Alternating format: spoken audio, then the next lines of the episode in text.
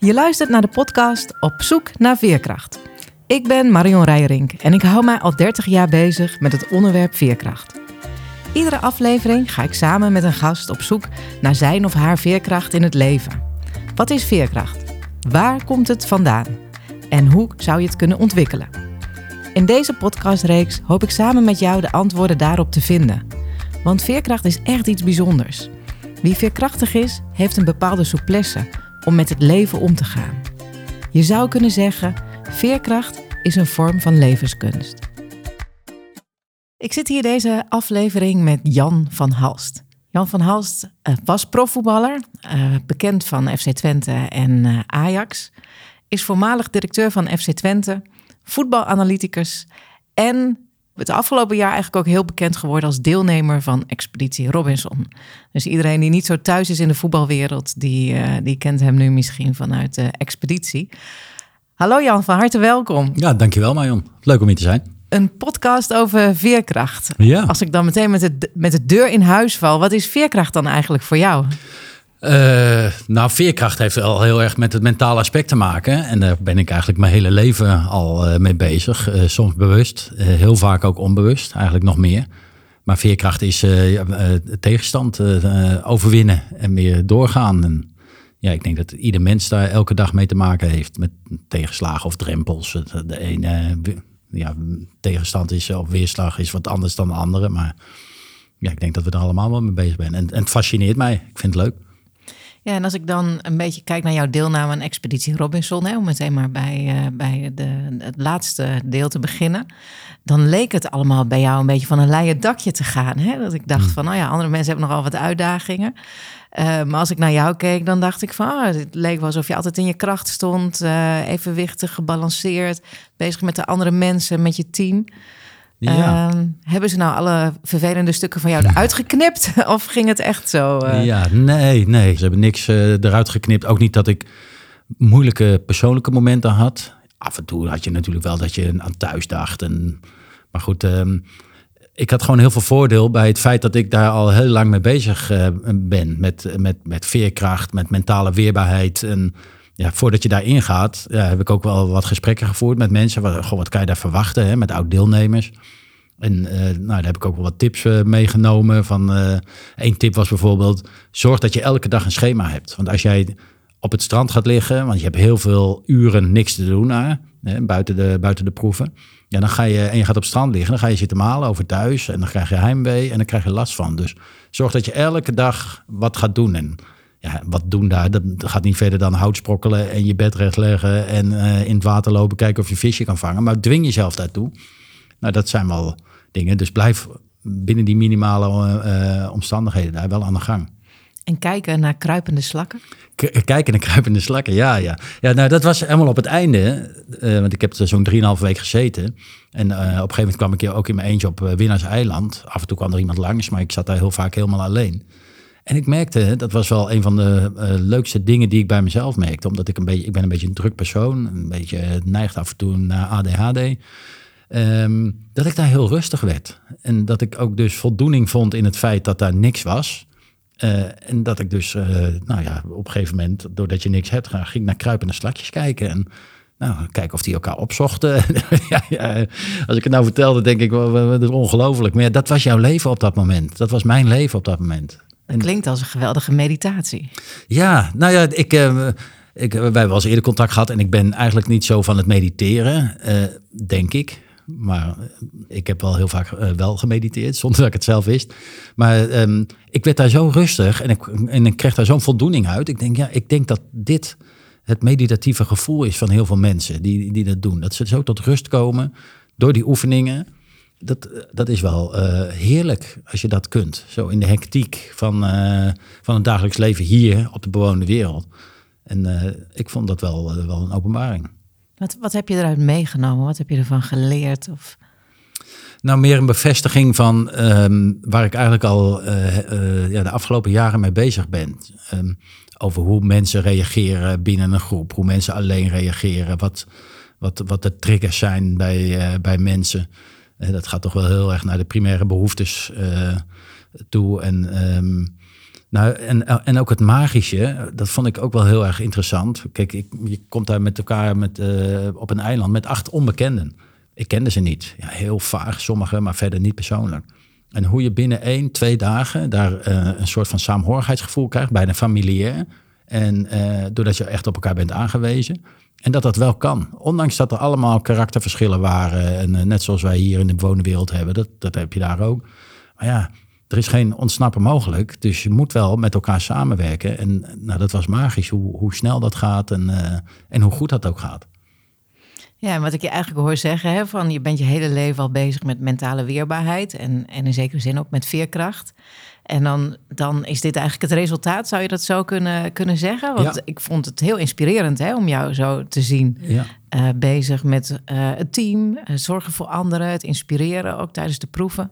Ja, nou ja, ik kon daar echt mezelf zijn. Doordat ik, ik werd niet verrast door allerlei ja, teamontwikkelingen of, of door rare reacties van mensen omdat ik, ik kon heel, dat heel goed plaatsen, omdat ik me heel erg in heb verdiept de laatste jaren.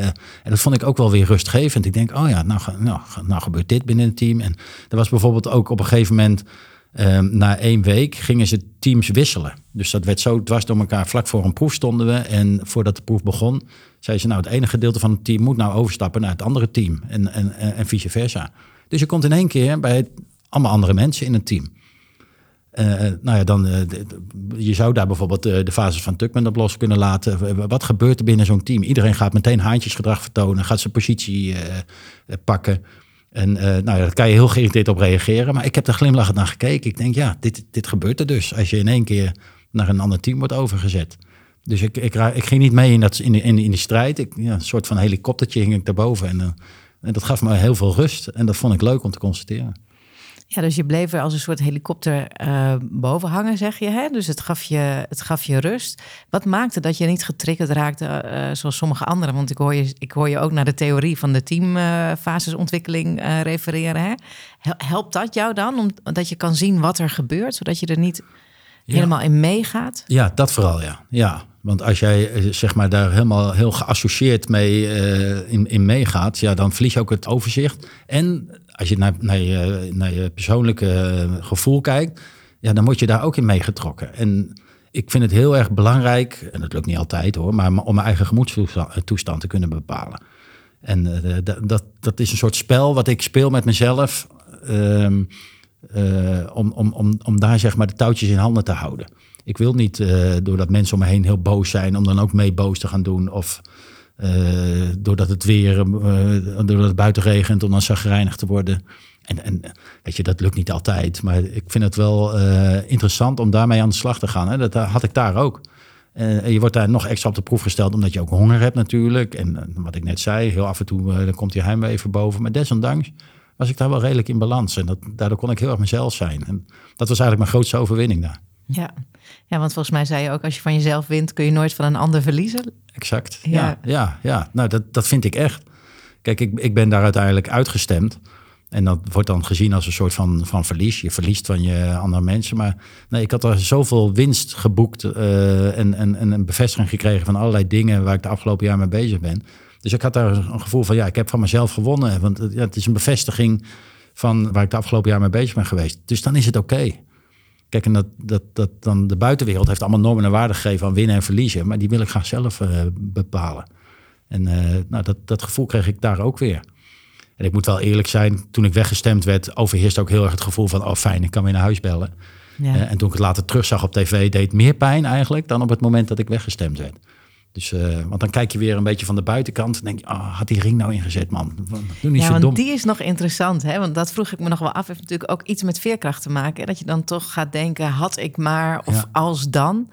Uh, en jij had een uh, ring waarmee je niet weggestemd had kunnen worden als je ja. hem had ingezet. Ja. En dat had je niet gedaan. Kom je daar dan nog echt in terecht? In die mindfuck van, oh, wat stom en het is mijn eigen schuld of had ik maar... Ja, nou, ik heb er heel goed over nagedacht. En ook, um, kijk, op een gegeven moment kom je in zo'n team. En dan moeten s'avonds, misschien voor de luisteraars die het niet hebben gezien, je komt in een eilandraad en je moet iemand uit, jou, uit jouw team wegstemmen.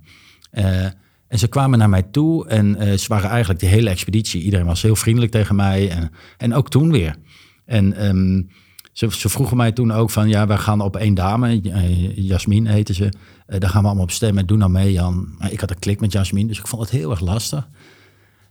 En uh, ja, misschien is dat ook wel interessant. Het feit dat ik het lastig vond om Jasmin weg te stemmen. Want dat was mijn, zeg maar, zogenaamde expeditievrouw. Ik ben heel loyaal aan mijn eigen vrouw ook. Ik ben al 30 jaar bij haar en dat doe je gewoon niet. Je, je, je laat dat niet vallen. Dan ga je voor door het vuur. En, en daar merkte ik ook moest ik mezelf echt even in mijn arm knijpen. Denk Jan, dit is niet het echte leven. Dit is ook een game. Daarvoor heb je ook meegedaan. Ik denk, oh ja, dus dan moest ik echt een tikje in mijn gezicht geven. Dus dat was al één mindfuck. Ja, ja. En toen dacht ik, ehm, eh, toen ik die beslissing had genomen, dacht ik, ja, maar ze kunnen mij ook wegstemmen. Ik denk, maar ze zijn zo overtuigend en er werd zo geacteerd daar met zo'n overtuiging. Ik denk, nou ja, ik kan nou alleen maar in complotten gaan denken. En uh, van ja, maar als ze nou achter mijn rug dit en dat en zo. Ik denk, ja, daar ben ik niet goed in. Daar ben ik niet goed in. Dus nou, laat ik gewoon mijn gevoel volgen. Ik denk dat ze allemaal voor Jasmin gaan. Uh, ik was ook een beetje aan het rekenen, want dan kan ik mijn ring later inzetten. Ik had nog wat extra stemmen, dan kan ik die ook sparen. En dan zit ik misschien wel in de halve finale. Zo was ik al een beetje aan het rekenen. Maar dan moet ik deze eilandraad even doorglippen. Nou, dat, ja, dat, dat mislukte. Maar het is niet zo dat het totaal overdonderd werd. Want ik had er wel rekening mee gehouden. En je moet je voorstellen, als je die dag daar, eh, voordat die, s'avonds is die eilandraad. Je kijkt ook wel eens achterom en dan zie je ze toch een beetje in een groepje samen zitten. Weet je, ik, ik loop net even weg om te kijken of een vis in het net zit. En je ziet ze een beetje samen praten. En er staat een cameraploegje bij. Ik denk, zullen ze nou niet toch iets bekokstoven achter mijn rug? Weet je, dat schiet allemaal door je hoofd. Dus je wordt ook wel helemaal gek gemaakt hoor, zo'n dag. Maar goed, ik heb ervoor gekozen. Ik heb er goed over nagedacht. Ja, soms win je wat, soms verlies je. En uh, ja, het is wat het is. En hoe zit het dan met, want je zegt van goh, ik had toch eigenlijk ook wel zo'n voorgevoel, luisteren naar je intuïtie. Um, is dat iets wat, wat, wat, wat jou bezighoudt? Ja, ja, nou ja, daar kom je heel erg in terecht. Dus, uh, tussen uh, gevoel en ratio. En maar dat, dat, dat gaat zo dwars door elkaar heen dan. Hè? Want ik, wat ik net vertel, dat is allemaal volgens het ratio. Allemaal op, alles op een rijtje gezet en beredeneerd en zo. Maar mijn gevoel zei af en toe ook wat anders. Ik dacht, ja, maar ja, ze zijn er toch wel aan het bekokstoven. En kijk, achteraf, ik ben ook een keer aangesproken door een, uh, door een cameraman. En die zei, ga jij je ring inzetten? Ik zeg, nee, ga ik niet doen. Ah, oké. En toen liep hij weer weg. En toen dacht ik achteraf, oh, ik had, daar had ik veel meer dat ik moet denken, ja, dat vraagt hij niet voor niks. Hij mag ook niks zeggen natuurlijk, heeft hij ook niet gedaan, dus hij heeft niks verkeerd gedaan. Maar het feit dat hij het vroeg, dat ik dacht, oh, ja, daar had ik misschien iets meer naar dat gevoel. Want ik keek wel op dat hij dat vroeg, maar ja, ik schoof het ook weer zo weg. Dus uh, ja, gevoel is heel erg lastig op zo'n eiland ook. Je, je leeft in zo'n andere wereld en nogmaals met die honger en die heimwee. En ach ja, uh, dat is wel, ook wel weer interessant hè, om dat uh, te voelen een keer. Ja. en wat ik dan zelf wel interessant vind, als ik je dan zo zag op, uh, in Expeditie Robinson. En ik denk terug aan jou als voetballer. Een echte kuitenbijter, hmm. zou je kunnen zeggen. Uh, lastig te rijmen. Uh, snappen mensen nog van hey, wie is nou Jan van Halst als ze jou als voetballer kenden? En nu, zoals je, zoals je dan, misschien was je altijd in het dagelijks leven al wel vrij rustig, maar op het veld was je heel anders. Ja, ja dat, dat is zo. Nou ja, dat is altijd zo gebleven, dat fanatisme hoor. Ik ben altijd wel fanatiek in, in dingen, ook in mijn coaching ehm, eh, tegenwoordig. Dan, ik ben dan ook wel iets, iemand die wil naar resultaat toewerken. Ook met een team als je daarmee aan de slag gaat. Maar de nuance heeft wel plaatsgevonden. Kijk, je kan bij mij een beetje een knip maken op mijn 5, 26e. Uh, toen ben ik tot besef gekomen van ja, wat ik tot nu toe heb gedaan in mijn carrière, dat kan echt niet meer. Ik schopte, ik spuugde, ik, ik schold. Ik, uh, ik, dat was gewoon puur overlevingsmechanisme. En ik dacht ook dat dat goed was. Dat ik daarmee een, uh, een voortrekkersrol speelde of zo. Dat had ik mezelf helemaal ingeprint. Maar eigenlijk ben ik helemaal niet zo. En hoe kwam je tot dat besef? Um, schaamte. Dat, ik kan nog precies het moment opnoemen. Ik, uh, wij speelden een keer thuis met FC Twente voor de Europa Cup tegen Bayern München. En ik sla zo een, een Duitse speler neer, want die had iets gedaan bij een ploeggenoot van mij, wat mij niet zinde.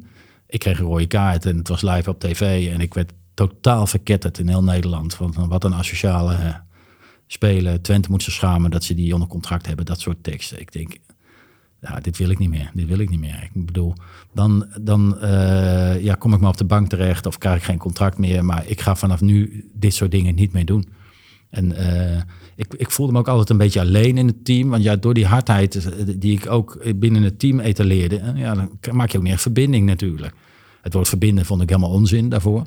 ja, dat moet gewoon gepresteerd worden. Weet je, volgens die, die, die normen en waarden was ik helemaal, um, helemaal opgegroeid in de, in de kleedkamer. En zo heb ik mijn plekje ook moeten verwerven als profvoetballer. Maar toen dacht ik, ja, dit wil ik niet meer. Ik schaam me gewoon voor mezelf en voor mijn vrouw en mijn kinderen en mijn ouders. En, en toen ben ik dat gaan veranderen. En dat gaat niet van de ene op de andere dag, maar nou, eigenlijk wel na een half jaar, een jaar, merkte ze al verschil. Van hé, hey, uh, geen lompe tackles meer, niet meer schelden. Uh, het kan ook op een andere manier. En ik merkte ook dat ik eigenlijk prima overeind bleef. En, en hoe heb je dat aangepakt?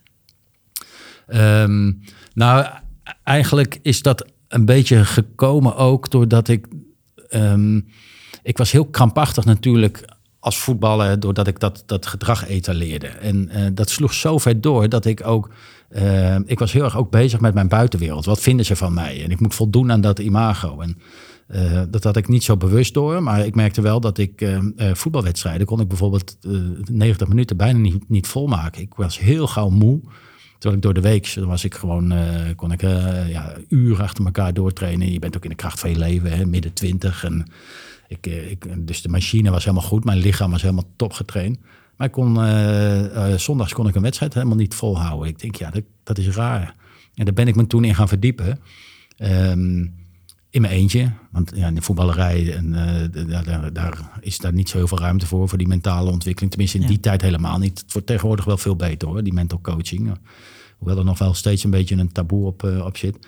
En uh, toen ben ik me daarin gaan verdiepen. En toen ben ik er ook achter gekomen dat ik onbewust dus alleen maar met mijn omgeving bezig was. En ja, ik heb daar um, um, een, een, model in gevonden. En dat, dat zijn de 5 G's. Waarbij ik constant niet alleen op wedstrijddagen, maar eigenlijk ook in het hele dagelijkse leven daarop terug kan grijpen. Dat ik doorkrijg, dat is bewustzijn creëren van nou, wat zijn nou mijn gedachten en wat doen mijn gedachten eigenlijk met mijn lichamelijke gevoel en wat zijn eigenlijk de gevolgen daarvan. Ja, misschien, misschien interessant, want wij doen eigenlijk in elke podcastaflevering een oefening met de mensen. Uh, om eens te kijken of we, of we zo'n oefening op dit moment kunnen doen met die 5G's. Ja, ja. Of is het een hele ingewikkelde? Ja, dat is wel een hele ingewikkelde. Nou, ik, ik, kan wel vertellen hoe ik dat bij, als voetballer deed. Want, um, en, en later ook in het dagelijks leven. De, ik zal kort twee voorbeelden noemen. De, uh, kijk, de vijf G's, dat, uh, die, die staan voor uh, de eerste G is de gebeurtenis. Er gebeurt altijd wat in onze omgeving. Daar hebben we niet zo heel veel invloed op. Maar het is wel zo dat je binnen een honderd van een seconde krijg je daar een gedachte over. Of de zon schijnt, of je ziet een leuke collega, of een vervelende buurman of zo. Je krijgt meteen een gedachte over. Nou, die, gedachte zorgt voor een bepaald gevoel. Dat gevoel zorgt weer voor een bepaald gedrag. En dat heeft altijd gevolgen. Dat is de vijfde G. En de crux zit hem in die tweede G. Kun jij eh, bewust zijn over jouw gedachten? En kan je ook wat anders denken? Of laat je het gewoon um, uh, met de stroom meegaan en, en ja, laat je het er allemaal maar overkomen? Nou, dat wilde ik niet meer. Dat alles mij maar overkwam. En dus ik ben heel erg uh, bij die tweede G maar gaan realiseren. Uh, van, nou, wat denk ik nou eigenlijk? Nou, tijdens het voetballen was ik dus alleen maar, als ik zondags op het veld uh, liep om half drie, dan keek ik alleen maar naar de tribunes. Dacht ik alleen maar, oh gelukkig, er zit niet zoveel publiek, kunnen ze me ook niet uitfluiten. Ik keek naar de trainer, ik denk, wat zal hij tegen me zeggen als ik een verkeerde paas geef? Ik keek naar de perstribune, ik denk, oh, welke journalist zit erop? Want maandag zullen ze wel weer over gaan schrijven. Hoe zal mijn vrouw na afloop van de wedstrijd op me reageren? Dus ik was alleen maar met mijn omgeving bezig, onbewust. Ik had het niet zo door, maar dat had ik mezelf aangeleerd. Een soort angst. En, uh, maar ik wilde eigenlijk dat jongetje zijn, wat vroeger is begonnen met voetballen, die vrij, vol met plezier, uh, de kerst op de taart, dat zou duidelijk moeten zijn, hè, zondags, daar train je de hele week voor, dat je daarnaar uitkijkt en daar vrij kan voetballen. En dat was eigenlijk op, op donderdag, was altijd de leukste training. En dat donderdagochtendgevoel, hoe krijg ik dat nou naar de zondag toe? En uh, nou ja, dan kan je dus met oefeningen kan je dat doen. Dus nou, ik, ik, was dus in die boekjes aan het lezen hoe je dat dan zou moeten doen. En uh, een oefening was dan, dan moest ik een, een uur voor de wedstrijd, ging ik in een, uh, in een kamertje liggen in het stadion ergens. Een donker kamertje, het ballenhok of zo. Ik hoopte dat niemand kwam, want ik schaamde me ook een beetje daarvoor. En dan ging ik met mijn ogen dicht die donderdagochtendtraining helemaal naspelen. Waarin ik heerlijk partijtje had gedaan. Ik had twee doelpunten gemaakt, ik had lol gemaakt. Ik was er echt weer het kind die lekker aan het voetballen was. En met een grote glimlach lag ik daar op een bankje. En af en toe kwam er wel eens iemand binnen. En ja, die zien dan in één keer uh, die van Hans staan liggen. Dus die denken, ja, die is niet goed geworden. Ze gaat wel, joh, jawel, jawel. Zei ik, laat me maar eventjes. Ja, die maakt zich zorgen, weet je. En dan kwam daarna de dokter binnen. En zei, wat is er aan de hand? Zei, nee, nee, niks, joh. Ik lig me even te concentreren. Want dat mag, hè. Dan, dan is het uh, geoorloofd. Maar dat was niet zo. Ja, ik was aan het concentreren op die donderdagochtendtraining. En, dat, en daar kreeg ik een heel relaxed gevoel van. En ik, ik, was ook met een grote glimlach lag ik daar. En dat nam ik ook mee uh, in de wedstrijden. En in het begin was dat, duurde dat uh, een kwartier dat ik dat vol kon houden. En dan kreeg ik weer die, uh, die, die spanning. En nou, naarmate ik de oefeningen deed, na een half uur of na een half jaar kon ik, kon ik dat wel een uur lang volhouden. En, en, en na drie kwart jaar wel een hele wedstrijd. En, dus dat, ik was een heel ander persoon, werd ik. En ik ben dat eigenlijk, dit is eigenlijk de ultieme uitkomst, maar ook in het dagelijks leven. En ja, ik moet er nog wel eens om lachen, maar bijvoorbeeld je rijdt naar een, naar een file toe. Dan zie je in de verte, zie je die file al opdoemen en het regent ook nog eens. En, uh, nou, ik had het heel veel toen ik vanuit Twente naar Amsterdam moest rijden in mijn Ajax-tijd. Dan stond ik s'morgens altijd daar bij, bij, bij Hilversum in de file. Nou, dan zag ik hem in de verte weer opdoemen. dacht ik, oh nee, het is weer zo ver. En uh, nou, al die gedachten. Ik heb ook altijd pech. En hoe ik dat nou, ik zou weer te laat komen. En nou, allemaal dat soort negatieve gedachten. Met dat gevolg, ik kwam al zagrijnig op het stadion en nou, dat zagen ze aan mij. En, ik, en ik, het kost ook tijd om dan weer de vrolijke Jan te zijn en, en lekker te gaan trainen. Ik denk, ja, dat, laat ik daar nou eens mee gaan oefenen. Dus dan zag ik die file opdoemen in de auto. En dacht ik, oh ja, dat is die tweede G. Ik denk, oh nee. Um, oh, gelukkig. Ik kan langer naar de radio naar Edwin Evers luisteren. Kan ik lachen. Oh, ik ga naar mooie vrouwen kijken in de auto. Ik ga er, ga er sowieso twee spotten. Allemaal dat soort rare dingen. Ja, en ik vertel het tegen je. Je begint ook al te ginniken. Want je denkt, ja, die is gek geworden. Maar zo zat ik ook in de auto. Ik denk, wat ben ik mee bezig, joh? Maar ik vond het toch grappig. En ik ging toch zoeken naar... Uh, nou, naar andere mensen in de auto, uh, andere vrouwen. Ik kon naar Edwin Evers, dat was altijd heel erg leuk op de radio toen. Ik denk, oh, dat heb ik gemazeld, dat, dat ik juist door die file langer kan kijken. Allemaal dat soort dingen. En het lukte niet altijd. Maar als je dat maar steeds een beetje blijft oefenen, op een gegeven moment lukte dat. Dat ik dacht, oh, zo'n file maakt het uit. Ik ga gewoon genieten. En, um, en wat dat betreft, dat, dat vind ik wel heel, heel erg grappig. Die, die, um, jouw brein, ik noem dat altijd, het is ook een spier, weet je. En uh, als topsporter train je natuurlijk je hele lichaam. Maar ja, in je hoofd zit ook een spier. En het is niet zo dat je als je één oefeningetje doet, dat het, dat het dan beter wordt. Nee, ook, ook met trainen van je lichaam. Het duurt gewoon soms weken of, of maanden dat je vooruitgang ziet. Nou, dat is met die spieren in je hoofd ook. En dat lukte me gewoon. Na een maand kreeg ik die file in. Het interesseerde me echt helemaal niks. Ik kreeg glimlachend erin. En ik vond bijna jammer dat die over was, de file. Dat je weer door kon rijden, van. Weet je? Dus, en dat zijn echt grappige dingen om, om, te, om te herkennen over. En dat is, dat is ook veerkracht tonen. Weet je, daar, in het begin schaam je een beetje voor. Ik denk, nou ja, maar ja, goed, niemand weet dat ik dit doe. Ik ben in mijn eentje en laat me gaan. Maar um, dat heeft me wel veel gebracht. Ja, en het, en, het, en het leuke is, als je het hebt over veerkracht. Mijn filosofie is dat veerkracht is een spier die je kan trainen. Uh, dus okay. wat dat betreft zitten we helemaal op één lijn. Ja. En we hebben vaak, net als met de sportschool, de neiging om uh, onze summer body, die train je eigenlijk ook in de winter. Hè? Dus uh, als ik in, de, in, in, in april, mei klaar wil zijn voor mijn bikini, ja, dan moet ik echt nu beginnen. Ja. het is nu december trouwens. en niet in, in maart nog eens denken van, oh, nu wordt het tijd dat ik er wat aan ga doen. Is eigenlijk met veerkracht precies hetzelfde. Uh, want op het moment dat je lastige situaties krijgt en je denkt, nu moet ik uh, gaan trainen, uh, dan ben je eigenlijk al wat aan de late kant. Dus het is iets wat je eigenlijk altijd ja, kan trainen. Ja, ja, preventief. Ja, nou ja, wat ik, en wat ik leuk vind aan jouw verhaal, ik hoor eigenlijk een aantal dingen. Hè? Dus de kracht van gedachten en hoe uh, je eigen gedachten bepalend zijn voor hoe veerkrachtig je bent hè? en hoe je om kan gaan met de dingen die je tegenkomt. Maar ik hoor ook iets over de kracht van visualisatie. Hmm. Want ik zie je daar liggen hè? in het, in het oude stadion van FC Twente, Diekman. En jij ligt daar in zo'n ballenhok of in een, een leeg kleedkamertje. Maar wat je eigenlijk doet, is een hele krachtige visualisatie. Ja. En je ja. had geen idee. Nee, nee. Ik het, en ik vond het ook allemaal maar onzin. En, uh, maar ja, ik had wel heel erg last van die faalangst. Ik denk, ja, dan kan ik twee dingen doen. Of uh, uh, niet, meer, niet meer genieten van het voetballen, want zo erg was het. Of ik ga er wat aan proberen te doen. En misschien heb ik ook nog wel wat aan in het dagelijks leven. Dat, dat spookt ook wel door mijn hoofd. Nou, dat, dat is, ik durf wel te zeggen dat dat gelukt is. Want ik Heb ben je het plezier in het voetbal daarmee ook echt teruggevonden? 100 procent. Want ik kreeg daardoor, als ik zondags moest voetballen, daarvoor was ik, nou, ik was bijgelovig, ik was gespannen, ik sliep niet. Ik, was, ik dacht ook dat het moest, hè, want dan, dan was ik extra geconcentreerd. Toen helemaal niet meer, daarna, na een jaar helemaal niet meer. Ik ging dus letterlijk op zondag voetballen met 22 vriendjes. En de andere, er waren de elf die hadden een Ajax-shirtje aan of een Feyenoord-shirt, of maakt niet uit. Maar, uh, dus ik stond ook in de spelerstunnel. En dan, nou, vroeger stond ik daar te schreeuwen. Kom op, we pakken ze. En, dat soort teksten allemaal.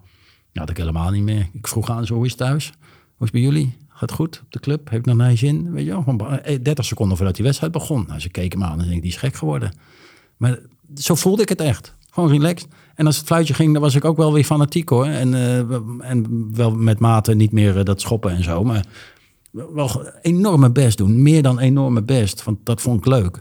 Maar het wel, wel genormaliseerd. En ik kon, het, ik, kon, nog, ik kon wel drie uur achter elkaar voetballen. Want je bent gewoon vrij. Vrij in je geest, vrij in je lichaam. Heerlijk. Ja, je was weer het jongetje in, de, in de wei. Ja, ja, echt. Echt letterlijk. En dat is gewoon lekker. Wat ik, wat ik heel grappig vind, Jan, ik was net voordat jij in de studio kwam hier, uh, en heb ik twee meditaties opgenomen. Ik heb meditaties staan op een, op een app, Insight Timer. Hmm. En een van die meditaties ging precies hierover. Dat was een visualisatie waarin je dus echt visualiseert dat je in een prettige ruimte bent en op een prettige plek en ontspannen. En het is zo grappig dat jij nu precies dat voorbeeld noemt hè? Vanuit, je, vanuit de kleedkamer. En dat je visualiseert dat je gewoon weer lekker uh, op donderdagochtend uh, aan het trainen bent. Mm. Of met je vriendjes aan het voetballen. Uh, maar er zijn nog steeds heel veel mensen die denken van ja, maar dat is toch allemaal zweverig. wat zou je daar tegen willen zeggen? Ehm, dat ze gelijk hebben. Ja. nee, maar je hebt. Kijk, ik heb bijvoorbeeld ook. Um, NLP uh, eh, gedaan, NLP-opleiding. En daar, uh, daar had je ook weer wat meer, zeg maar, die, een, een, zweverige kant. Dan moest ik, ik weet niet eens meer precies hoor, want ik heb het weggestopt. Hm. Maar uh, dan moest ik dus, zeg maar, een bepaalde gebeurtenis in mijn hoofd nemen. En dat moest ik dan een kleur geven. En dat moest ik dan tussen mijn schouders plaatsen in mijn hoofd. En dat moest ik dan via mijn lichaam weg laten stromen en zo. Dat, daar, daar voel ik me niet zo lang bij. Ik heb het allemaal gedaan, ook om het te ondervinden. Hè? Want ik denk, ja, ik heb wel zo'n grote mond, dat dat mij niet... Maar, ik, ik kreeg daar geen gevoel mee. Bij mij moet het gewoon, ik voel me gewoon prettig als het iets concreter is. Dus het donderdagochtendgevoel wat ik zei, meenemen naar de zondag. Ja. En uh, ja, daar voel ik me prettig bij. Maar je hebt dus, en later hoorde ik dus ook van iemand die meditatie zei, zei Jan, wat jij hebt gedaan met die visualisaties, dat zijn meditaties. Dat is een vorm van. Ik denk, shit. Shit. Ja. Dus ik moet, ja, ik moet gewoon eerlijk zijn. Ik doe dus daar blijkbaar ook aan. En ik ben daar dus de hele dag ook mee bezig. Weet je, ik, ik, eh, ik, eh, nou, ik reed hier naartoe. Uh, we zitten nou ergens in Rotterdam, hartje Rotterdam. En ik was bijna te laat. En dan voelde ik me al opgefokt. Ik denk, oh jee, um, ze zitten daar te wachten. Vijf man. En ze, ze zullen wel boos zijn. En denken ze, oh god, die van alles weer te laat. Die denkt zeker dat hij het hoge zijn bol heeft. Dus allemaal dan, ik denk, ga ik weer. Dus toen dacht ik alleen maar, oh nee, het komt alleen maar goed uit dat ik wat later ben. Ze zijn er toch nog niet allemaal. Um, uh, de koffiezetapparaat um, uh, moet nog opwarmen. Weet je, allemaal dat ze. Ja, ik moet er zelf ook om lachen. Maar ik voel gewoon dat ik daardoor rustiger word. En wat bleek? Het was ook zo. Ik was nog op tijd, weet je, de, de, de, iedereen zat nog een kopje koffie te drinken. Het was helemaal niet zo dat ze hier uh, heel strak zaten te kijken. En jij vertelt ook nog, nou ja, na jou heb ik nog heel veel ruimte. Dus die vijf minuten maakt ook niet uit. Je kan jezelf helemaal opfokken, maar je kan je door allerlei visualisaties, of noem het meditaties, jezelf rustiger krijgen. En dat, dat is gewoon heerlijk. Ja, en de kracht van het, ik noem het maar even het omkatten van die uh, gedachten. Ja. Uh, een heel concreet voorbeeld van mij van de afgelopen maand is: ik moest uit mijn, of ik moest eigenlijk uit mijn kantoorruimte. Um, uh, de nieuwe eigenaar vroeg heel veel extra huur. En ik zit nu voor hetzelfde bedrag in de helft van de ruimte. Ehm, en ik was daar heel zagrijnig over. Uh, dat hij zoveel extra vroeg. En uh, nou ja, dat, dat het voor mij eigenlijk onbetaalbaar werd om twee ruimtes te hebben. Ik had twee ruimtes en ik ben nu terug naar één. En, ik, en eigenlijk kwam ik er op een gegeven moment achter... ja, maar Marion, je hebt toch eigenlijk ook heel veel geluk gehad... dat je zo lang voor zo'n redelijke lage prijs... in die twee ruimtes hebt kunnen zitten. En op het moment dat ik hem heb omgekat en eigenlijk gewoon vooral heel dankbaar was van... goh, ik heb daar toch een jaar of bijna tien gezeten in dat kantoorpand. Twee ruimtes voor dat bedrag. Dat was toch eigenlijk wel heel gunstig. Ja. Ben ik helemaal niet meer zagrijnig geweest. Die hele verhuizing niet. Dat ik nu in een kleinere ruimte zit voor zelfs nog iets meer. Dat is een prachtig voorbeeld, ja. En dat kost, of dat scheelt zoveel stress en negativisme. En het feit dat je dat doet, dat merken jouw kinderen, dat merken jouw uh, vrienden en vriendinnen. En als je de hele dag je zit op te vreten en je ziet die huisbaas ook, hè, dan kan je hem ook wel vernielen. Als je maar in dat negativisme blijft denken. Terwijl eigenlijk moet denken, dankjewel dat ik hier tien jaar eigenlijk voor een matsprijsje heb mogen zitten. Ja. Of het waar is, doet eigenlijk niet ter zake. Of het daadwerkelijk een matsprijsje is, doet niet ter zake. Het gaat om jouw kopie, dat die rustig wordt. Mijn zagrijn is in elk geval weg. Dat is, ja, daar gaat het toch om. Ja, ja, ja. ja. ik vind dat heel leuk. En, en nogmaals, dat lukt niet altijd. Tenminste, mij niet. Misschien jou wel, maar het lukt niet altijd. Want soms laat je heus wel eens even weg, uh, wegtrekken weer. Maar dan, het gaat erom dat je gewoon het vermogen hebt om af en toe te denken... ah, dan ga ik weer. Niet doen. Kom op. Ja. Omturnen in die gedachten. En dan vraag ik me wel af hè, van wat ik denk, wat misschien een van de lastigste periodes in jouw leven uh, is geweest. Jouw periode als directeur bij Twente. Ja. Ik weet niet of dat ook klopt, hè, maar als ik kijk naar wat je hebt meegemaakt in je leven, dan is dat wel heel heftig geweest, kan Ja. ik me zo voorstellen.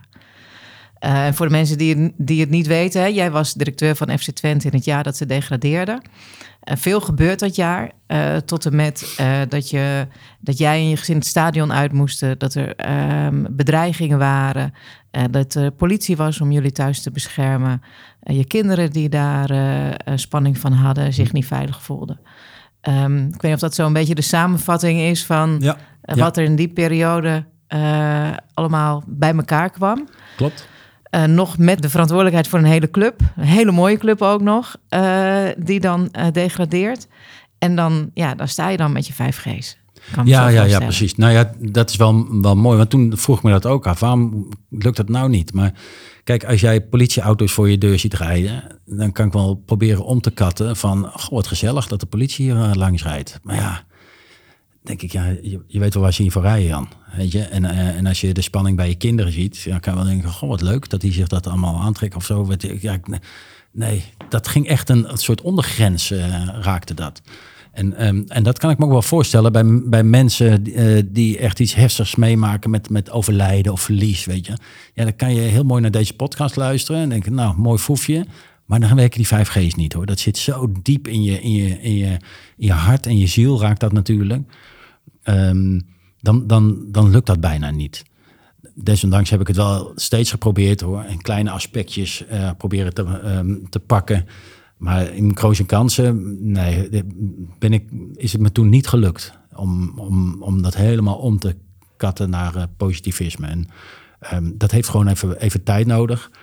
Ehm, en Expeditie Robinson bijvoorbeeld, dat was ook een soort van ja, eikpunt van nou ja, hoe, hoe ben ik nou echt als mens, weet je? Ben ik nog argwanend, want dat word je hè, in zo'n periode, naar mensen die achter de rug allerlei dingen bij jou doen en zo. Maar dat ben ik helemaal kwijt gelukkig. Dus eh, wat dat betreft ben ik daar helemaal van hersteld. Had je het in Expeditie Robinson nog gewoon een heel klein beetje kunnen gebruiken? Ja, misschien had ik het juist. Ja, dan precies, je, ja, ja, je ja, misschien nog eh, winnaar geworden. Nou ja, maar dat is toch. Eh, ik, dat klopt helemaal. Daar heb ik ook aan gedacht. Ik denk, ja, ik heb dat dus helemaal niet meer. Dus ik, eh, als ik het wel had gehad, misschien eh, had ik nog wel gezeten nu. En dan kom je in dat soort com- complotgedachten terecht. En zo. Maar ik wil dat niet. Ik wil dat niet. En ik kan wel even een beetje een spelletje spelen. En dat heb ik daar ook wel af en toe geprobeerd. Ik heb, ehm, eh, ik heb toen ik eruit werd gestemd, notabene toch tegen mijn eigen vrouw gestemd. Hè. Dus ik heb, ik heb ook, want dat vergeet iedereen, maar ik heb daar ook wel een beetje mee gedaan. Maar zover, wat ik nu allemaal zie gebeuren en zo, om mensen bijna te beschadigen. Nee, dat, dat kan ik niet meer. Maar als we dan nog toch even teruggaan naar die periode bij Twente, hè, de periode dat jij daar directeur was, wat daar toen allemaal eh, gebeurde, hoe kijk je daar nu op eh, terug? Eh, nou, daar, daar kijk ik wat, wat, wat rationeel op terug. Dat ik, ehm, ik, ik, eh, ik heb daar te veel mijn gevoel laten spreken. Dus kijk, ik werd, ehm, doordat die club was helemaal in verval geraakt met eh, allerlei ehm, eh, ja, puntenaftrek, eh fraudeleuze handelingen, witwaspraktijk en zo. Nou, het is heel, een hele waslijst wat er allemaal was gebeurd. Dus de directie was weg, ontslagen, mensen waren vertrokken en zo. En ze vroeg aan mij, oud-collega's ook, van kom nou terug. En ja, jij kent de club en je hebt hier een succesvolle periode niet alleen gevoetbald, maar ook daarna nog gewerkt in management.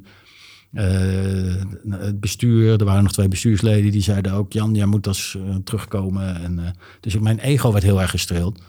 Zelfs Dick Wessels, de grote financier aan de achterkant die ik had benaderd, die zegt, nou ik wil wel helpen, maar alleen als jij terugkomt, want we hebben jouw vertrouwen, Jan. Ja, dat streelde mij enorm. Dus ik ben toen heel erg op mijn gevoel teruggegaan. Maar als je puur rationeel kijkt naar zo'n casus, en ik, heb tegenwoordig mijn werk daarvan. Ja, wat was daar gewoon een crisismanager, een keiharde crisismanager, die eh, daar orde op zaken ging stellen, die met het mes op tafel ging onderhandelen met de Belastingdienst over 80 miljoen euro, die eh, heel strak daarlangs eh, ja, die, die club weer gewoon op de rails ging zetten. Ja, zo'n type ben ik niet. Ik ben meer motivator, een verbinder. En, een- nou, vanuit positieve gedachten. Ja, positieve gedachten die tellen daar niet meer. Dan is een club in overleving en dan, dan, dan gaat de emotie een rol spelen. Dus ehm, ik had het gewoon niet moeten doen. En dat zeg ik nu. Eh, maar ja, mijn gevoel, ik had een clubgevoel, weet je. En daar, daar ging ik achteraan. Eh, ja, dat, soms eh, is dat naïef. Aan de andere kant, ja, zo ben ik. En ik had daar, wat, en daar had ik dus weer wat meer mijn, mijn mijn ratio voorrang moeten geven. Dus, En dat blijft altijd in het leven natuurlijk. Hè? Wanneer ga je echt je gevoel volgen? Wanneer ga je echt iets heel erg beredeneerd? ga, je, ga je op basis daarvan je keuzes maken? en dat vind ik wel heel erg interessant, maar het maakt ook wel heel erg ingewikkeld soms. Ja, ja want eigenlijk, eigenlijk dacht jij van, goh, ik word gevraagd en ik word eigenlijk als een soort van redder van uh, de club gezien. Ja, ja. En uh, nou, daar wil ik graag aan meewerken. Nou, ik hoef niet zo graag de redder te zijn, maar ja, het was mijn club, dus ik wilde weer meewerken om die gewoon weer een beetje normaal vaarwater te krijgen. En er zijn ook heel veel goede dingen gebeurd hoor. Maar goed, aan de buitenkant zie je dat niet. Ja, je zegt net al, uiteindelijk is het op sportief gebied, is de club gedegradeerd. Maar um, ik, weet, ik weet wel, uh, kijk, mij geeft heel goed gevoel. Ik heb toen de familie Wessels bij de club weer betrokken. En uh, ja, die hebben de club financieel gered. Want onderaan de streep was dat gewoon een probleem. Het was een heel groot financieel probleem. Nou, dat heeft dan in zo'n voetbalclub ook uitwerking op uh, spelers die je moet verkopen. Je kan voor veel minder kwaliteit weer andere spelers halen. En nou, dat, dat gleed helemaal af. Je een hele negatieve teneur. En, en ook binnen, binnen als mensen um, voelen dat, dat hun positie op het spel staat, ja, dan gaan ze ook heel erg um, ja, ander gedrag vertonen, laat ik me netjes zeggen. En dat is allemaal logisch. Dat is allemaal logisch. Dus nogmaals, daar had gewoon een ander type even moeten zitten, 1, 2 jaar. En je merkt nou dat de club weer in opbouw is. Ja, dan daar had ik wel een rol kunnen spelen. Ja, ja dus eh, wat, wat is dan het belangrijkste wat je hiervan hebt geleerd als je nu terugkijkt? Weet goed waar je goed in bent. Ja. En weet vooral ook waar je niet goed in bent. En, uh, en dat is heel makkelijk gezegd, maar het is wel heel goed om daar uh, vaak bij stil te staan. En, en, en, en, dat gaat ook over veerkracht, vind ik. Uh, soms rol je ook gewoon in een soort patroon in het leven. Hè, ik noem het wel zo, mijn, je, je, je vader zit in het onderwijs en denk je, nou ja, ik, dat vind ik leuk, oh, dan ga ik ook maar onderwijzer worden. En als je dan later daarover nadenkt, ja, vind ik het echt wel zo leuk? Weet je? En het kan, hè? het kan uiteindelijk ook goed uitpakken. Of, of ondernemer, of hè, mijn, mijn, uh, mijn vader uh, zit in de rechten of juridische. Nou, ik ga ook maar rechten studeren, want ik weet het eigenlijk niet zo goed. Dat, als kind moet je natuurlijk dat soort beslissingen nemen. Maar dat heeft wel gevolgen voor, voor het pad van de rest van je leven. En om dan op een bepaald moment te kunnen zeggen, en dat maakt niet uit of je 25 bent of 55, je denkt, vind, vind ik dit nog leuk? Vind ik, gaat mijn vuurtje nog branden hiervan s morgens? En, uh, en dat dan nog om kunnen kutten naar een andere koers of zo. En dat is verrekte lastig, hè? Want daar hangen allemaal financiële consequenties aan, eventueel. Maar uh, het is wel in ieder geval te overdenken waard.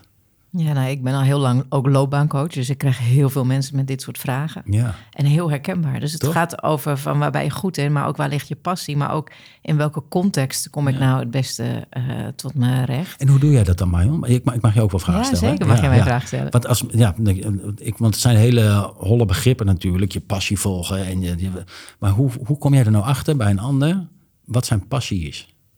Ja, dat, dat is heel verschillend. Maar het helpt vaak wel om echt terug te gaan naar wie, wie ben ik? Wie ben hmm. ik echt? Uh, en ik kom wel eens mensen tegen, of ik kom wel eens in organisaties waar ik ook loopbaan trajecten heb verzorgd. Waarin, waarin er op zoek wordt gegaan naar een quick fix. Ja. Uh, dus moet dat zo lang duren? En hoezo moeten we helemaal terug naar misschien hoe ik als kind was? Hmm. Uh, en waar ik als kind blij van werd. dus, dus heel vaak wordt er gezocht naar een quick fix. Ja, en, en, en die hebben maar een beperkte houdbaarheid. Want dan kom je er twee, drie jaar later weer achter van... hé, hey, dit is het ook niet. Ja.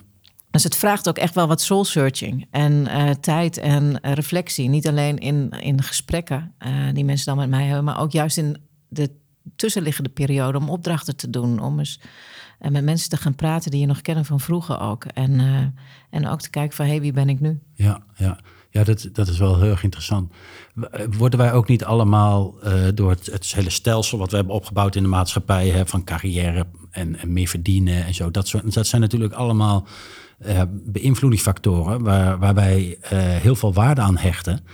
En misschien ook logisch, laat dat maar even terzijde. Maar ja, als jij ergens op een plek zit en je kan promotie maken, waardoor je meer kan verdienen. En thuis zegt je, je vrouw of je man van, oh, dat moet je doen. En uh, nou, je ziet je kinderen al gelukzalig kijken, want dan kunnen we misschien wel op wintersport. Ik noem maar iets geks. Ja. Dan ben je toch wel eerder genegen om dat te gaan doen. Ondanks dat jij dat werk misschien niet zo heel erg leuk vindt. Ja, en daar zie je dus dat er klachten komen. Mensen worden depressief, krijgen hoofdpijn, krijgen fysieke, fysieke klachten. Uh, en soms is het heel, uh, heel klein en soms worden, worden mensen echt ziek. Ehm, maar je, je, je, je lijf geeft het aan. Dus, je, dus ja, ik geloof heel erg in dat we een heel geniaal systeem hebben, wat ons lichaam heet. En ja, die geeft signalen. En, en de vraag is van, ja, ben je bereid en heb je de moed om ernaar te luisteren? Ja. Volgens mij. Dus daar, daar geloof ik wel echt heel erg in. En ik heb het zelf ook aan den lijve uh, helaas mogen ondervinden. Of eigenlijk achteraf niet helaas, want het heeft me veel geleerd. Maar oh ik was bij ABN AMRO. Ik heb elf jaar bij ABN AMRO gewerkt. Uh, ik was uh, management uh, trainee en ik werd high potential en weet ik veel wat er allemaal op me afkwam. En ik ging functies doen die goed waren voor mijn carrière. en dat was een goede stap. En dan kon ik dat ontwikkelen en dan kon ik daarna daar naartoe doorgroeien. ik was niet gelukkig. Nee. Ik was echt niet gelukkig. En, en, en wat dan wel, ja, dat heeft me ook wel een aantal jaar gekost om dat, uh, om dat te ontdekken. En mensen denken vaak dat het heel snel gaat. Dus oh, dan doen we vijf gesprekken en dan weet ik het. Ja, ja geef ook het eh, proces de, de tijd daarin. Vind ik ook, een, uh, vind ik ook wel een belangrijk. Ja, ja, ben je die hoofdspier trainen? Ja. Ook dan. Ja, hey, en wat ik nog, wat, heel even nog terug naar jou, uh, Jan. Wat ik nog wel een interessante vond, wij hebben elkaar leren kennen. Dat is nu zo'n bijna twee jaar geleden geweest. Toen gaf jij een lezing over hoe doorbreek je onmacht. En dat ging deels ook over jouw verhaal hè, uh, bij, uh, bij, bij Twente in dat jaar waar we het net over hadden. Um, um, en wat mij daarin toen zo aansprak, hè, is ook wat je nu vertelde. Ik was zelf directeur van een coöperatie. Um, en daarin kwam ik eigenlijk al die verschillende dingen tegen die jij uh, bij FC Twente ook tegenkwam. Mm. Al een heel ander niveau. Ik had geen politie voor de deur. Maar mm. er zijn wel echt dingen gebeurd die, die heel lastig waren. En waarin ik ook niet mee in mijn kracht stond. En ook niet meer wist hoe ik het uh, moest doen. Um, en, en het gaat er dus over waar ligt je kracht. Maar als je er dan middenin zit. Hè, want mijn ervaring is dan vandaar waar ik mezelf eigenlijk best veerkrachtig vind. Uh, op het moment dat het echt te veel wordt, ik ga op een gegeven moment hard werken. Ik ga proberen om het op te lossen. En hoe harder ik werk, uh, ja, hoe, hoe minder uh, effect het uiteindelijk volgens mij uh, op een gegeven moment heeft. Maar wat, wat was voor jou nou de crux terwijl je er middenin zat bij, bij, bij Twente in dat jaar? Heel eerlijk, naar de dokter slaappillen halen. Ik sliep niet meer. Oh ja. Ik maakte me druk. Maar ja, dat is, dat is slecht natuurlijk. En dat wist ik ook wel hoor. Maar kijk, ik had het, um, uh, het, het, het, ik vond het bij mij het, lastige, en dat heb ik mezelf ook ingeprent. Oh, maar ik wilde het, het zinkende schip ook niet verlaten. Pas toen, uh, ik keek bijna uit naar de degradatie. Ik denk, dan pas kan ik zeggen van, nou ja, we zijn gedegradeerd. Ik ben mede verantwoordelijk, dus ik ga weg. Maar eigenlijk had ik dat, als ik naar mijn lichaam had geluisterd en naar mijn gevoel, dan had ik al uh, veel eerder weg moeten gaan. Een half jaar daarvoor. Want ja, ik, ik sliep nauwelijks meer. Ik ben notabene in de tussentijd ook nog een keer geopereerd. Want ik, was, ik liep op een trap en ik miste een treetje. En uh, ik scheurde mijn, uh, ja, boven mijn knie helemaal af. Dus ik moest geopereerd worden en zo. Maar denk, ja, je kan een keer van een trapje afglijden, weet je. Dus, maar het, nu terugkijkend waren dat allemaal signalen. Van, ik was niet geconcentreerd en ik, ik was met mijn hoofd er niet bij. Dus, en, en als antwoord op jouw vraag... Je, je hebt het gevoel, je kan bijna niet weg. Niet ontsnappen of zo. Weet je? Ik voelde die druk heel erg van, ik, ik moest daar blijven zitten. En uh, de dag dat ik heb opgezegd, dat ik weg ben gegaan... en uh, nou, ik wil niet zeggen dat het een opluchting was, maar het kwam wel heel dicht in de buurt. En ik heb echt, uh, ik heb echt wekenlang gewoon op de bank gelegen in de kamer en gewoon lekker helemaal niks doen. Helemaal niks. Ook, en social media is dan ook een monster hoor. Waardoor, daar moest ik ook vanuit mijn functie af en toe wel dingen van bekijken en zo. Maar ja, dat werd ook heel erg op de man gespeeld uh, in de krant. En, en, dat was met name regionaal. het was trouwens voor mij een openbaring. Als ik naar het westen van het land reed, met name in het Amsterdamse, omdat ik daar een, een Ajax-achtergrond heb nou, ze, ze helemaal niet door wat daar ver weg in het oosten gebeurde. En ze waren hartstikke blij om mij te zien. En, en, en misschien heeft me dat ook wel het meest pijn gedaan. Dat mensen naar mij keken omdat ik die functie had. Dat ik ook een slecht mens was. En dan, dan raak je mij echt. Ik probeer echt een goed mens te zijn. Met al mijn fouten hoor. Ik bedoel, dat, dat heeft ieder mens wel. Maar ik probeer wel gewoon goed, een goede gozer te zijn. En, en doordat je die rol moest vervullen, daar als directeur, ja, dacht men ook dat, dat ik, dat ik een, een, een lul van een vent was. Dat deed me echt heel pijn. Ik denk, ja, maar dat ben ik helemaal niet. En dat daarom deed het ook mijn, mijn vrouw en mijn kinderen en mijn, eh, mijn familie en mijn vrienden pijn. Ja, maar zo is het helemaal niet. Maar ja, ik moest daar wel voor de camera zeggen, ja, we moeten de trainer ontslaan en we moeten dat doen. En we moeten uh, herfinanciering plaatsen. En we gaan keihard naar de Belastingdienst. En zo, allemaal dat soort teksten die gewoon bij mijn functie hoorden. Vond ik het leuk om te doen? Nee. Was ik er goed in? Eigenlijk ook niet zo. Maar ik moest het wel doen. Ja, en je dacht dus ook tegelijkertijd van, ik kan niet weg. Ja, En ik denk dat dat ook een essentie is waar we het ook net over hadden. Hè? Wat misschien ook wel meer mensen herkennen. Van, je noemde het net al, hypotheek of eh skivakantie of al die andere dingen. Ja. Eh, ook voor anderen, hè? dus eh, om je team niet in de steek te laten, om de organisatie. Maar je hebt heel veel redenen waarom je kan denken, ik kan niet weg. ja, ja, inderdaad. En om, om het even terug te brengen naar die casus bij mij. Ik had gewoon een half jaar eerder weg moeten gaan. Eh, Financieel hadden we dan niks, eh, geen problemen gehad of zo. Weet je? Dus, dus dat valt weg. Eh, wel wat, wat mensen eventueel over je zou, zouden moeten gaan denken. Maar ja, denken veranderen, dat is de grootste sloper natuurlijk in, je, in, in ons brein. Hè? Denken in aannames, denken wat eventueel een ander zou kunnen denken. Dus ik had gewoon moeten doen. Dat had ik mezelf beschermd. en het was bijna onmogelijke klus ook. Dat zeiden ook heel veel, heel veel mensen. Maar ik heb het toch niet gedaan. Dus ik ben er toch weer even, ik ben er toch weer ingetrapt. Ik zat net in het begin van de podcast heel, eh, heel erg te vertellen dat ik wilde mijn eigen gemoedstoestand bepalen, maar dat lukt niet altijd. Weet je, en soms dan, dan denk je, potverdorie, ben ik er toch weer ingetrapt. Maar veerkracht is wel dat je dat realiseert en dat je denkt, nou, hier moet ik weer wat van leren. Dat moet me niet nog een keer gebeuren. En dat, en dat, dat, dat blijft een uitdaging. Soms wat meer, soms een kleine uitdaging. Maar dat vind ik ook wel weer leuk. Ja, en is dat dan niet in essentie veerkracht? Dat het ook, dus ook niet altijd hoeft te lukken. Nee. Dat, je er niet, dat, je, dat je niet altijd op die manier met gebeurtenissen om kan gaan. Omdat ze soms ook gewoon te groot en te intens zijn. Of omdat je er toch weer ingetrapt bent. Ja. Eh, maar dat je er weer van kan leren. En dat je van daaruit weer, eh, weer verder kan. eh. Ja, ja. Nou, ik vind veerkracht ook. Stel, er gebeurt iets heftigs en het doet pijn van 0 tot 100, zeg maar. En het doet echt eh, 97 eh, punten pijn. Maar als jij eh, toch je gedachten dusdanig kunt trainen dat het maar 50 punten pijn doet of zo. Ik probeer het altijd een beetje te visualiseren, dan blijft het een Ja. beetje grijpbaar bij mij. Dan is dat toch weer winst. Dan heb je al bijna de helft. Het blijft pijn doen. Hè, we moeten niet de illusie hebben dat we alles even zo eh, kunnen trainen in ons kopje en zo. Maar het wel in ieder geval de pijn minimaliseren. Ja. Dat je nog, en daardoor kan je wat helderder blijven denken en zo. Daar geloof ik wel heel erg in. Het is niet allemaal roosgeur maneschijn. Ik bedoel, Ja, en jij visu- visualiseert het in punten. Wat bij mij werkt is dat ik zie van... oh, ik ben nu maar een uur van de leg. Of ik ben maar eh, Oh ja, een dag eh, eh, ontregeld. Eh, terwijl ik weet van... oh ja, vroeger zou ik daar echt misschien wel... drie dagen of een week of een maand lang last van hebben. dat is toch goud? En nu denk ik van... oh ja, nou, het gaat eigenlijk al wel weer. Wat een winst. Wat een winst. Ja, Ja. ja. Ik weet niet hoe jij vindt. Ik, ik vind ouder worden niet altijd leuk. Maar dit vind ik een van de, Ik vind ouder worden heel leuk. een van de prettige dingen van ouder worden. Dat, dat, die, dat die ervaringen zich zo opstapelen. Ja, ja. Ja. Nou, een mooie afsluiting volgens mij eh, voor eh, vandaag. Dankjewel Jan, fijn dat je er was. Graag gedaan. Dankjewel. en Vond het eh, nou, we zien je vast nog ergens op tv. Ongetwijfeld. Dankjewel. Joe. Veerkracht is een vorm van levenskunst. Mens zijn met hart en ziel, ongeacht de omstandigheden. Want die omstandigheden zijn steeds minder relevant voor iemand die veerkrachtig is. Je kunt dan met een bepaalde souplesse omgaan met het leven.